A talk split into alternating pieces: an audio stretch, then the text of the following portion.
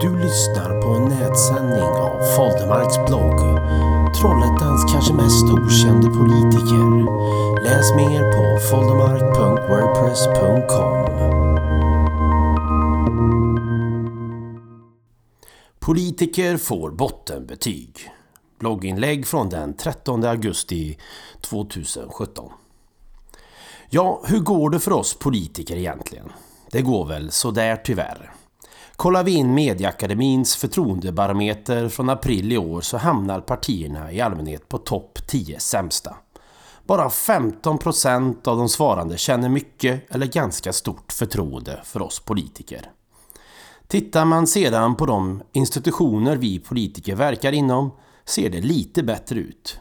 Förtroendet för kommunen där du bor ligger på hela 35%. Fast ändå rätt kast om man tänker efter.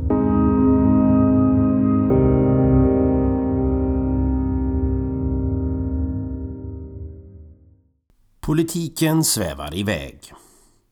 Att folk ger oss bottenbetyg är ju trist med tanke på att svensk demokrati är uppbyggd kring att partier ska representera människor politiskt. En förklaring skulle kunna ha att göra med att partiernas karaktär förändrats med tiden. Idag finns inte samma behov av en engagerad bas av partimedlemmar utan partistöd, heltidspolitiker och politiska sekreterare har ersatt densamma.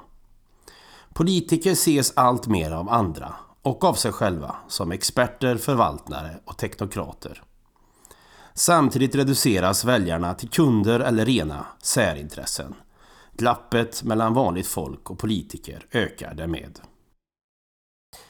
Det leder till att idag vill väldigt få vara en del av etablissemanget. Vi ser det hos Donald Trump, Sverigedemokraterna och Le Pen i Frankrike som målar upp sig som den sanna oppositionen mot alla andra. Det mest nära exemplet är väl Dan Möllengård som via sitt nya missnöjesparti Trollhättans framtid försöker att distansera sig från den gemene bilden av en politiker. Han säger nej till höga politikerarvoden, bjudmiddagar och partistöd. Han har till och med skaffat sig en slogan i den andan som Trollhättans tråkigaste politiker. Här finns, bör sägas, en aspekt av negativ solidaritet från Möllegårds sida. Kan inte han ha det bra ska ingen annan ha det heller. Det blir också en urskiljningslös kritik mot allt och alla. Alla andra är köpta.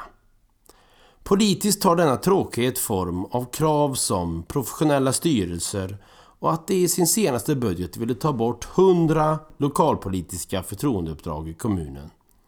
Politiker är överflödiga, de duger inte, ja, förutom Dan själv då. Enough! I don't care what they say about me, but I love this country too much to let them take over another election with lies and phony outrage and swift boat politics. Enough is enough! Länge leve demokratin.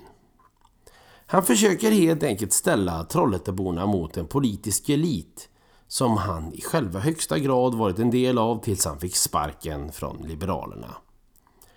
Problemet med denna typ av populism är, för att citera filosofen Slavoj Zizek, att den är bra i praktiken men dålig i teorin. Den eldar upp massorna för stunden men underminerar i längden överenskommelsen om de demokratiska institutionerna. Slutar folk ha förtroende för demokratin så kommer den ersättas av helt andra krafter och det kommer inte bli vackert. Så här skriver statsvetaren Chantal Mouffe om demokratins roll. Snarare är förtjänsten med ett demokratiskt system att det faktiskt gör det möjligt att ställa grupper mot varandra på ett civiliserat, rättssäkert sätt. Så att politiska skiften inte behöver genomföras med hjälp av gevär och brandbomber. Dagens demokrati är definitivt värd att försvara enligt mig. Det gör vi dock inte genom att undergräva den offentliga makt som utgår från folket. Det gör vi genom att ta ner politiken på jorden igen. Därför skär det i öronen när Möllengård vill få mandat av folket för att få plats vid köttgrytan igen men samtidigt inte vill ge samma folk allt för stor makt. Möllergårds försök till populism blir därmed mäkta ihåligt. Jag ger den knappt en hammaren och skäran av fem möjliga. You, know, you, you can put uh, lipstick on a pig. It's still a pig. En avslutande kommentar. Ett litet välmenande tips till politiker. I en tid med rekordlågt förtroende kanske man inte ska dricka sprit på skattebetalarnas pengar. Vänstern har som intern policy att vill vi bli fulla så betalar vi själva. Tack för mig!